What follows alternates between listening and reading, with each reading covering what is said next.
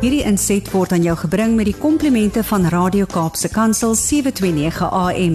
Besoek ons gerus by www.cape pulpit.co.za. Jannie, wat oh. maak jy in die Drakensberge?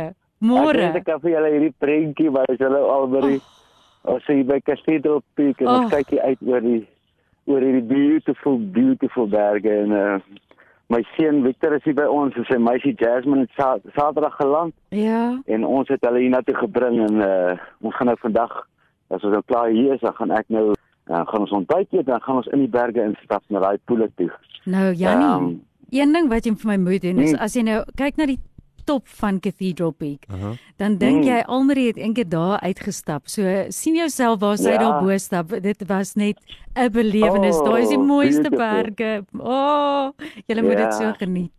Ja, so dankie. Dit ja. is voorreg. Ja, nee nou ja, ons het 'n opwindende naweek gehad wat sport aanbetref en ons het 'n opwindende naweek saam met Nelson Mandela Dag wat ehm um, Kaapse Kansel vandag ook 10 jaar gelede die oproep gekry het wat gesê het ons stasie mag uitsaai. Ons het die lisensie ontvang. Wow, geluk. Dankie. Ja, so dis dis 'n vreugdevolle dag en ons sien altyd uit om te hoor wat jy ook wil deel en dankie dat jy tyd maak waar jy op vakansie is en dat jy nog steeds met ons luisteraars praat vandag. Dis 'n groot voorreg om maar ek wil sommer net hierdie gedagte deel. Ehm um, baie jare terug te my lewe radikaal verander het ehm um, oor so naweek is nou so 26 jaar gelede.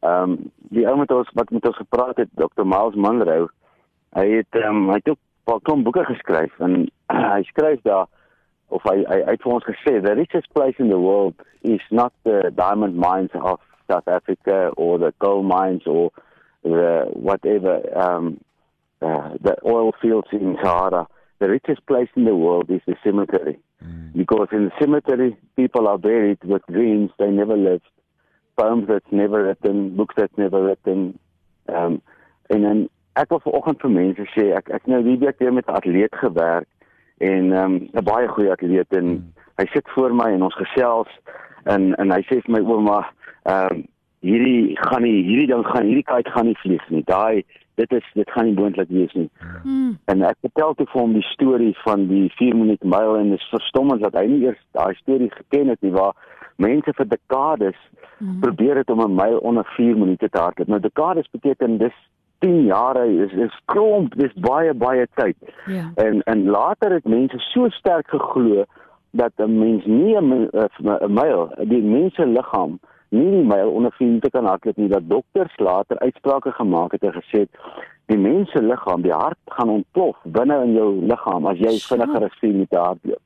Ja. Nou kan jy dink wat 'n vrees het dit veroorsaak by atlete om te sê maar hier's 'n barrier wat gebreek word. Ja. Nou Die interessante ding is, dit Roger Pennister gegaan en hy sê atleet gewees en gesê ek glo dit nie en hy het begin oefen en daar breek hy wragtig die myl uh, en hardloop om 3 minute en 59 sekondes.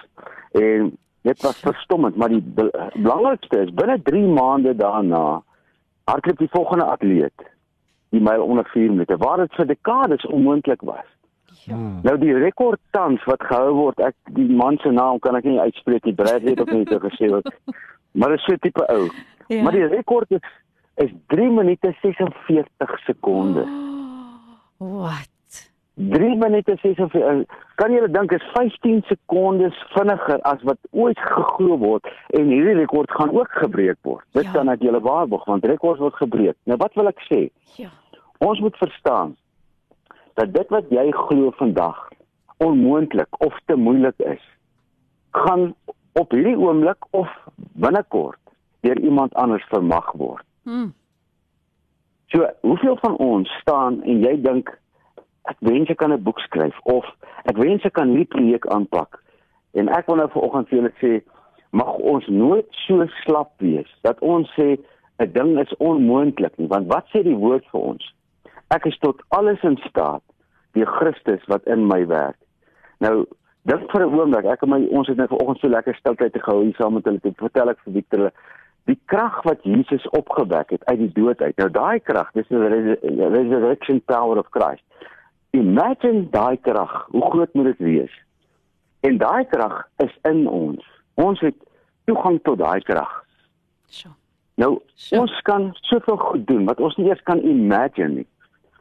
my my my my uitdaging vanoggend is laat jou imagination lewe. En in mm. plaas van om te sê waarom kan ek nie?